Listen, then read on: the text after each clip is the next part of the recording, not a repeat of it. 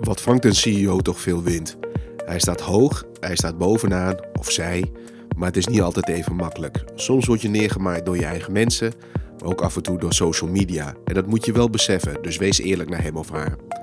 Een tweede beeldvorming is: een CEO is niet altijd iemand die 40, 50 of 30 jaar is, maar het kan ook iemand zijn die 25 is of 18, die net zijn eigen bedrijf start. Dus blijf luisteren naar de podcast.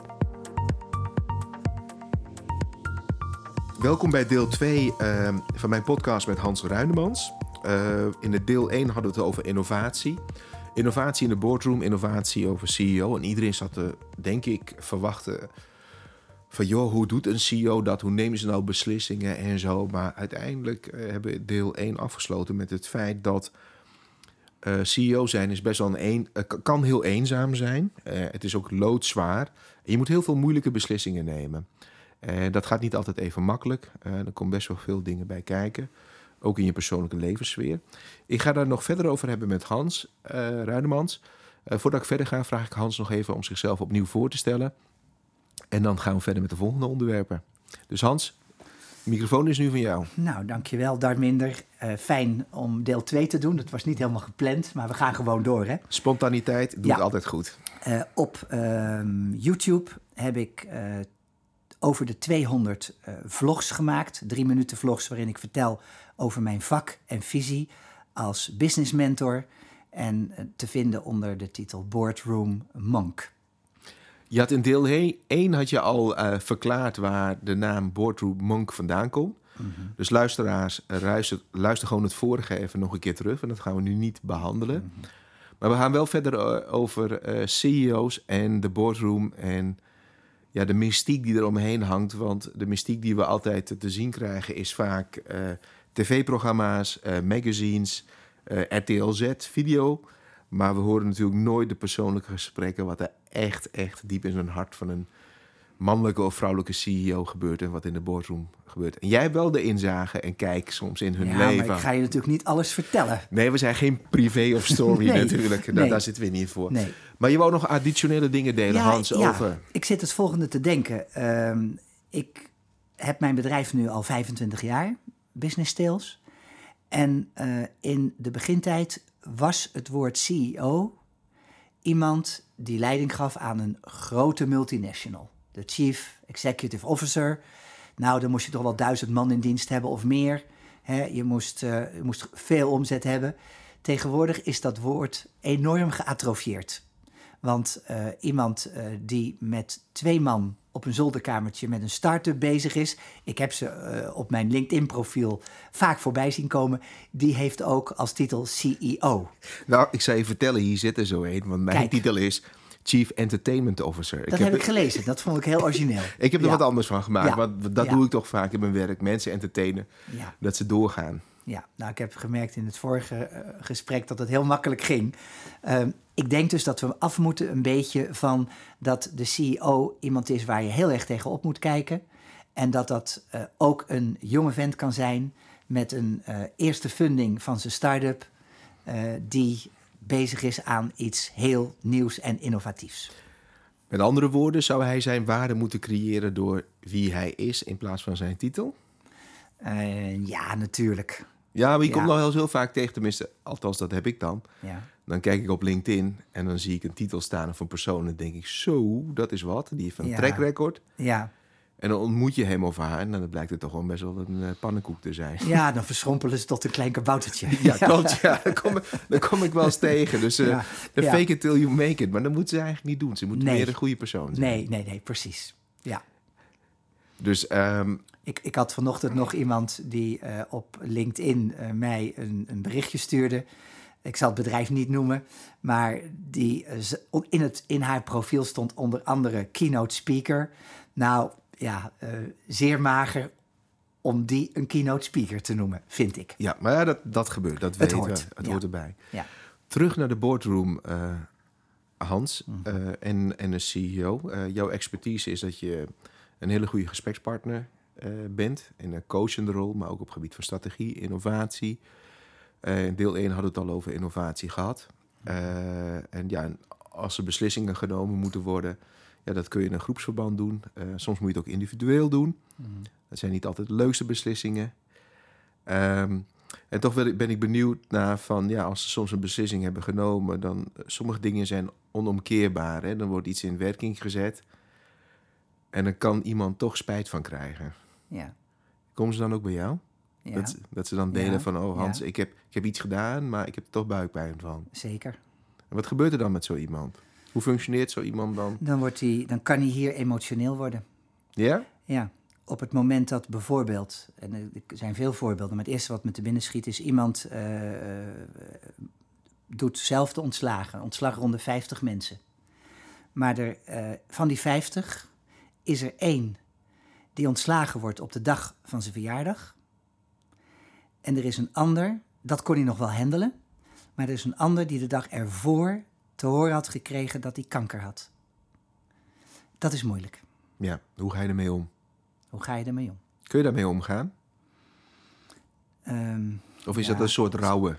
ze, ze, ze houden zich, ze zijn eh, natuurlijk wel wat gewend, dus ze houden zich redelijk sterk en stevig. Maar eh, hier kunnen ze daarover praten. Dus ze kunnen wel zichzelf zijn hier. Nou, ik hou niet van mensen die niet zichzelf zijn. Ik heb een redelijk eh, ontwikkelde bullshit detector en daar prik ik ook vrij eh, stevig doorheen. Maar ja, dat kan ook niet anders met 25 jaar ervaring. Toch? Nou ja, er zijn mensen die gaan de kist in terwijl ze dat nog niet doen. Maar ik hou, en eigenlijk trek ik dat soort mensen ook niet aan. Nee. Eh, de mentees die staan open om te leren, om dingen te zien. Vanochtend was er iemand die om een investering wilde vragen van 10 miljoen aan eh, een partij met. Ja, ik denk niet dat het makkelijk op te sporen is, dus ik zeg het gewoon. Met eh, 45.000 mensen en 400 verschillende entiteiten. Ehm, ik vroeg aan hem: stel nou dat jij in de positie zat van degene aan wie je het gaat vragen. Zou je dan ook die 10 miljoen investeren waar jij het voor wil hebben? Ik had verwacht dat hij heel spontaan ja zou zeggen. Maar hij zweeg zo lang dat ik hem sterk heb afgeraden om hiermee door te gaan.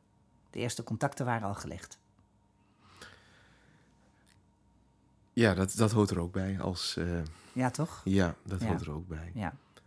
Ehm, heb jij afgelopen, eh, wat je net zei, vroeger was de CEO je span of control, hoe groter die was, Mhm. hoe machtiger je was, Ja.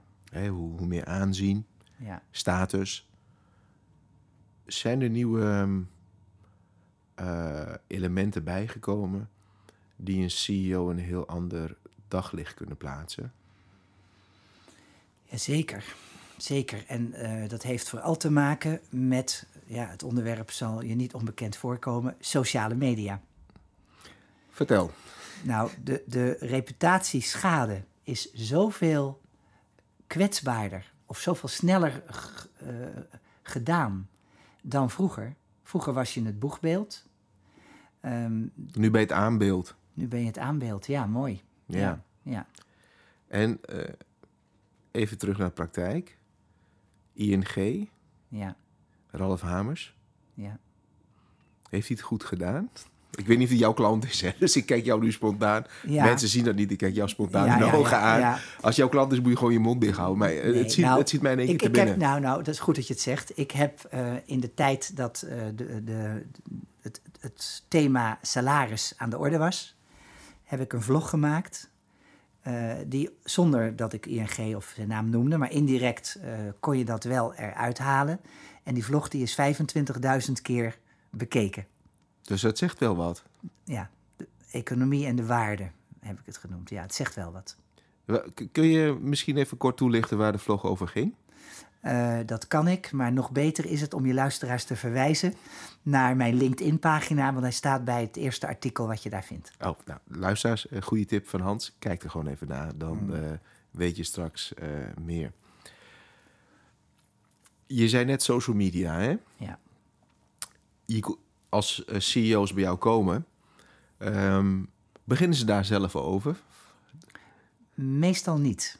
En waarom niet? Omdat ze, daar geen, omdat ze zelf bijvoorbeeld niet op zitten? Of, of zijn ze helemaal niet mee bezig? Nee, zij hebben het niet over. uh, te zeggen niet tegen een collega in de boardroom: uh, wat heb jij uh, coole patta's? Nee. En ze geven ook een, een handdruk en ze, niet een box Nee. of een high five. Ehm, dus het, het, en ze, ze hebben het ook niet over Insta als ze Instagram bedoelen. Dus het. het ze hebben, ook geen snelle, hen- ja. ze hebben ook geen snelle waggie, hè? Ja, abs- nee. En, en, en- nee, en, en, de, nee en, en, en rappers kennen ze ook niet. Ik ook niet trouwens, zo moet ik zeggen. Maar, maar weet je, en ze hebben het ook niet over donnies, maar ze hebben het over tientjes. Dus het, is een, het is een aparte taal aan het worden. Ehm, natuurlijk, elke generatie heeft zijn eigen eh, ja, sociale biotoop waar je in figureert. Ehm, sociale media is eh, vaak wat onbekend. En eh, Maar hebben ze, hebben ze dan wel of niet door dat ze dan een, zeg maar, een, eh, ja, niet al te positief of een negatief imago hebben door, door- een beslissing die ze hebben genomen of do- doordat ze in de media zijn gekomen? Ze weten het soms niet eens. Nee? En, en nee, en de marketingafdeling heeft niet een, een Google Alert aanstaan, de oudere marketingafdelingen. Kijk, de, de grotere, weet je wel, waar de hele eh, social media control rooms eh, door twintig mensen bevolkt Ja, die worden. springen zoals meteen KLM. boven- die springen er en- meteen en Die doen het goed, die doen Ja. het goed. Dus er zijn altijd goede uitzonderingen. Maar bij heel veel bedrijven is dat nog niet het geval. Ik heb jaren geleden, toen Twitter net begon, samen met Paulus Veldman, Twitter bootcamps gegeven. En eh, ik ben in die periode bijvoorbeeld ook naar professor Arnold Heertje gegaan, die ook hier in Bussum zit. En heb hem verteld eh, en laten zien wat er op, Twitter over wiskunde en statistiek werd ge- ge- getwitterd door scholieren. Nou, die man heeft overal nog steeds belangstelling voor. Ik vond het geweldig, want hij stond er open voor.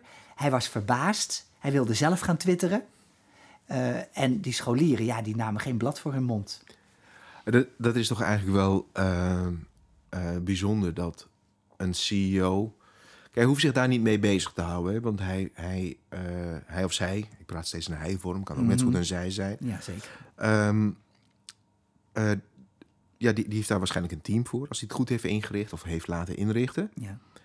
Maar je reputatie ja, kan online gemaakt en gebroken worden. Hetzelfde wat je nu ziet als bedrijven zeggen: ja, we hebben een purpose. We hebben een sociaal-maatschappelijk verantwoordelijk doel. Ja. En in de praktijk blijkt het helemaal niet zo te zijn. Nou, Ja. word je door de jeugd eh, in twaalf stukjes gehakt eh, Ja. online. Ja. Of door jeugd, de, de jongvolwassenen. ja. Eh, en Millennials doen ook mee hoor. ja, die doen er net zo hard mee. Dus ehm, eh, moeten ze daar niet gewoon wat meer bewuster van zijn? Wa- Wat hun bedrijf is en wie zij zijn? Ja, dat zou ik een hele goede vinden. Ik ben een half jaar sociaal strateeg geweest bij een bank. Ook, heb ik er ook intern rondgelopen. En eh, de, de, de onkunde bij de bestuurders was heel groot. En dan druk ik me eufemistisch uit. Is er niet meteen het gevaar op het moment... Kijk, een bestuurder, een boardroom, een CEO, die kan niet alles weten. Hè, die, die, nee. die, die, Sommigen twitteren, dus die weten wel veel. ja, die, die staan Ja. meer met hun voeten in de, eh, in de klei misschien. Ja, En hun ja. handen hebben. Ja, Ehm, is dat niet, zegt dat niet meteen over de innovatiekracht? Ja, ik trek hem wel heel ver door hoor, dat, weet ik ook. ja, Maar zegt dat niet meteen over van, joh, eh, weet je, Twitter en social media is niet eh eergisteren uitgevonden en je koopt het niet op Mars. Weet je, het bestaat al tien jaar. ja. Zegt dat niet meteen over de innovatiekracht, eh, de vooruitstrevendheid van zo'n onderneming of van zo'n boardroom? ja, ja. Reflecteert het niet op hun? Ja, dat denk ik wel. En ik zou ze eigenlijk eh, als, ze, eh, als tip willen geven: probeer voorbij die sociale media te kijken. Wat komt er straks aan? Bijvoorbeeld, eh, kijk eens naar wat YouTube-filmpjes van makkelijk te onthouden Bob de Wit. Een van de meest eh, populaire hoogleraren van Nijenrode. Die heeft het over de toekomst. Dat is een en al innovatie, die man. En eh, de manier waarop hij het heeft over nanotechnologie, robotisering, eh, zoveel interessante onderwerpen.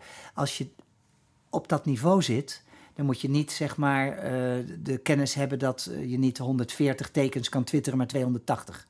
Maar dan moet je weten wat komt er straks aan en waar moeten we nu in onze organisatie al rekening mee houden. Schrikken eh, CEO's niet als ze bij jou zitten en je laat ze soms wat zien of hun teamleden laten zien: hey joh, meneer X of mevrouw Y, dit wordt er over ons bedrijf, over jou nu gezegd. Ja, dat doen ze. Dat En wat is hun reactie? Dus, nou, eh, ik had laatst dat eh, iemand van de buren op het pand van een, een grote club een, een Google-vlaggetje had geplaatst alsof dat van hem was. Ja, als je niet naar Google Maps gaat en niet kijkt en, en, en je sociale media team doet dat ook niet, dan eh, wordt een plek eh, digitaal geclaimd door een ander, eh, terwijl het eigenlijk jouw plek is. En zo heb ik nog wat voorbeelden. En dan heb je nog wel wat uit te leggen. Ja, ja nou, dan, eh, zie het maar weer eens terug te veroveren. Ja, dat, Het lag er vlak naast. dat wordt wel even een uitdaging. Ja. Oké. Zijn er nog andere zaken, Hans, die jij eh, zou willen belichten in deze podcast? Ja, het thema is innovatie, hè, wat jij behandelt. Nou ja, kijk, ik, Ja. ik, kijk inno- wat ik al zei, de meeste mensen denken aan innovatie, eh, Tesla, iPhone, eh, de volgende generatie. Maar je kunt ook als persoon innoveren. hè. Je kunt ook in een proces innoveren. Je kunt, er zijn, er- en, en als je één ding al heel goed doet, dan kun je soms een heel groot hefboom-effect krijgen. Dat vergeten Ja. heel veel mensen. Ja. Hè, we, we, we vergeten altijd de waan van de dag. Nou, misschien is een aardige om te vertellen dat ik vorig jaar eh, negen teams van studenten van de Amsterdam School of Interna- International Business, AMSIP, heb begeleid. En die waren allemaal bezig met hun opdracht en dat was het oprichten van een start-up. Mhm. met aandeelhouders, met geld. Ze kregen ook een echte bankrekening. Hogeschool van Amsterdam, dus lekker praktisch ook. En eh, ik had die, eh, die groep van 100 studenten daarvoor marketing, eh part-time marketing lessen gegeven. En een voorbeeld is dat er, er waren 22 nationaliteiten. Dus het was echt een cultural melting pot, heel leuk. En ik vond, wat ik een leuk idee vond, was een hit in Moskou. Want er was een meisje uit Rusland. En de hit was dat eh, wij hebben de Uber, dat is disruptive in de taxiwereld. Maar zij hadden een format waarbij je niet een Uber-chauffeur bestelde, maar iemand in zijn eigen auto met iemand ernaast. Waarom? Nou, de, de Russen gaan heel veel op familiebezoek in groepjes. Dan nemen ze een busje of zo, of een SUV. Daar zit iedereen in. Dan drinken ze heel veel op de plek waar ze geweest zijn. Maar Je hebt de dan, Bob bij je. ja, maar dan heb je dus de Bob bij je. Precies. Leuk, hè? Briljant, En, ja. dat, en, en ze waren, er waren hele leuke ideeën. Ja, dus dat. Oh, ja, ja. En ehm, als je die mensen dan. eh, ehm, eh, als je zo'n innovatiesessie doet. Ja. Is, is het dan ook. eh, kunnen ze. Je, nou, wacht even. Je zei net dat je een internationale smeltkroes aan mensen had. Ja, 22 nationaliteiten. En zijn ze ook in staat om eh, hun culturele eh, kennis en kunde te vertalen naar eh, echte Amsterdamse problemen op te lossen of Nederlandse problemen? Nou, Was er zo'n Russische Bob? Ja, het zou fantastisch zijn in Ja. Nederland. Heel veel kroegbazen heel blij worden. Maar ik weet niet of, ja. het, of het gaat werken. Ehm, nou, het, het niveauverschil was gigantisch. En als je zo'n, het waren er geloof ik eerst 120, als je de eerste groep ziet in zo'n eh, amfitheatertje, dan kan je eigenlijk de studenten al aanwijzen die afvallen voor de kerst. En dat was ook zo. Er vielen al 20 af voordat de kerstvakantie begon. Want Eh, nou, eh, dan komen ze in een trainingspak. En je moet voor zo'n businessopleiding wel een beetje netjes gekleed zijn. Het waren eerstejaars. Er zat één man bij van 26 uit Syrië. En op een gegeven ogenblik eh, vroeg ik eh, wat hij gedaan had in Syrië. Hij had daar een keramiekfabriek geleid.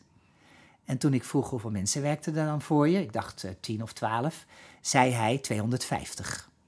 Nou, iemand met zo'n achtergrond, naast iemand die voorlijk is en in het eerste jaar zit met 17 jaar, is een groot verschil. Dat is een Nederlandse jongen dan. ja, die heeft wel Dus de was- ambitie om, om te slagen. Ja, ja, Ja, ja. En ze konden heel veel van elkaar leren. En dat is wel grappig dat- dat je dat zegt. Ehm, eh, volgens mij Nederland en België bij elkaar eh 24 miljoen inwoners. 25 miljoen. China en India 2,4 miljard. Ja, Alleen als zij straks in staat zijn om 1% van hun wereldbevolking hoog opgeleid van de scholen af te sturen, universiteiten, ja. dan is het volgens mij 24. Waar ik naartoe wil is Ja. dat hun kennisexplosie is vele malen groter Ja. dan, dan, dan bij ons. En, en het tweede is... Laat kijk, dat wij, besef maar eens goed doordringen. ja, Ja. en wij moeten hier de puistige pubers met een stok naar school jagen. Ja. En als je daar tegen een kind zegt van je mag naar school... dan springen ze allemaal een gat in de lucht. Sterker nog, ik ben er geweest eh, in China voor de Verenigde Naties. Op een, noem dat, fact-finding mission in het onderwijs. Een paar jaar geleden. En het is één en al brainpicking wat ze doen. Iedereen heeft, zit, zit klaar, iedereen luistert. Engels is goed, waar ik dan was. En eh, ik weet nog dat ik met het vliegtuig eh, arriveerde in Hangzhou. En dat ik de gids vroeg hoeveel mensen wonen hier eigenlijk. En toen kreeg ik ook het antwoord 25 miljoen. Een stad. Ik had, ik, en ik kende de naam van de stad niet. Nou, dat is wel heel frappant, hè? We zijn maar klein. Het is een heel klein postzegeltje in Nederland. En de wereld is groot. Ja, en, en ik denk ook dat wij heel veel te verliezen hebben... en ze hebben heel veel te winnen. Ja, Dat Ja. is, dat is denk Ja. ik. En daarom is het heel belangrijk dat we toch innovatief blijven. ja. Want dat is de enige manier om, om, om als eh, samenleving... eh, als een bedrijf is een samenleving, is een mini-samenleving eigenlijk... Mhm. eh, om te blijven bestaan Ja. wat je doet. Ja. Maar je moet wel de wiel elke keer opnieuw durven uit te vinden. ja. En zeggen die CEO's dat ook? Ja, dat hoor ik vaak. En, en ik hoor ook vaak, zeg maar, wat ik dan samenvat onder de titel eh, Lifestyle First, Business Second. Verklaar je nader? Nou, eh, het, het heeft een beetje te maken met een spreker die ik een keer op een Amerikaans podium zag. En die, het had, die had het over eh, de customer journey, waar iedereen nu over praat. En over hulpvaardig zijn en aardig zijn. Dat was zijn, zijn keynote. Eh, toevallig eh, vloog ik in hetzelfde vliegtuig met hem naar een andere stad in Amerika. En er was een mevrouw met een koffer die ze niet kon tillen. Mhm. Hij stond achter haar en ik hoorde hem niet zeggen: Mevrouw, zal ik u even helpen met die koffer? Dat deed iemand die weer achter hem stond. En dat Ja. vond ik walk your talk. Ja, als dit al op social media had gestaan, had hij een dik probleem. Juist, Ja, juist. Ja, en dat gebeurt gewoon. ja. Waar krijgen de CEO's echt buikpijn van als ze zeggen van ja, de innovatie of eh, lukt niet of het, eh, het gaat niet? Ik vind niet dat je dat in het algemeen kan zeggen, want elk mens is verschillend. Eh, sommigen zijn gewend aan tegenstellingen of aan mislukkingen en gaan opgewekt door naar het volgende project. En anderen die nemen het zichzelf heel erg kwalijk. Het is verschillend. Als ze zichzelf kwalijk nemen, hè, Ja. heeft dat verstrekken ja, gevolgen voor hem of haar? Dat je zegt van eh, ja, hij, neemt het zichzelf te kwalijk. Eh, ja, het kan soms stagnatie geven, omdat het dan in andere ge- levensgebieden en zakelijke domeinen zich uitzaait. En dan gaan ze ook wat eh, anders om in een beoordelingsgesprek. Ja, je hoort het al als luisteraar. CEO zijn is niet zo eh, makkelijk, eh, Hans. Dus eh, mocht je ambities hebben om, om het toch te worden, Hartelijk welkom. je bent van harte welkom. Mag je meepraten in de volgende podcast? Ja. Ja. Nee, ik, zijn er nog dingen die je nog wilt aanvullen, Hans? Anders gaan we afsluiten. Nee, ik, ik hoop dat mensen het gesprek leuk hebben gevonden en er wat van hebben opgestoken. En ik zou willen afronden met mensen, kijk even op YouTube onder de titel Boardroom Monk. Dat is dan de kop en de staart van deze podcast. Want daar kan je meer dan 200 van mijn verhalen, die gaan over mijn vak en visie, vinden. Ik zal de link eh, naar jouw YouTube-pagina in de, in de omschrijving van mijn podcast eh, stoppen. Dat mensen vanuit de tekst eh, Oh, kunnen door, doorklikken. Ja. Ik wil jou hartelijk danken, Hans, voor, jou, voor jouw tijd en aandacht. Luisteraars, als jullie zelf feedback hebben, dan moet je even heel goed luisteren. Als, je, als je de Anchor eh, eh, podcast app gebruikt op, de, op eh, Android en Apple, er zit tegenwoordig een nieuwe functie in. Dan kun je namelijk een voicemail inspreken. En die, komt dan, die kan ik dan weer terugluisteren als feedback. Dus geef alsjeblieft feedback via de Anchor-app. Dan kan ik het ook echt daadwerkelijk in een volgende podcast meenemen. En doe mij één groot plezier. Ga naar de Apple ehm, eh, podcast-app en eh, geef een rating voor mijn eh, podcast-series. Want dan, dat is goed voor de zoekmachine en de vindbaarheid. Uiteraard ben je vrij om met mij te connecteren via LinkedIn, ook met Hans Ruijmans. En uh, mocht je prangende vragen hebben, dan kun je ons gewoon via internet vinden en uh, alle vragen stellen die je heel graag wilt stellen.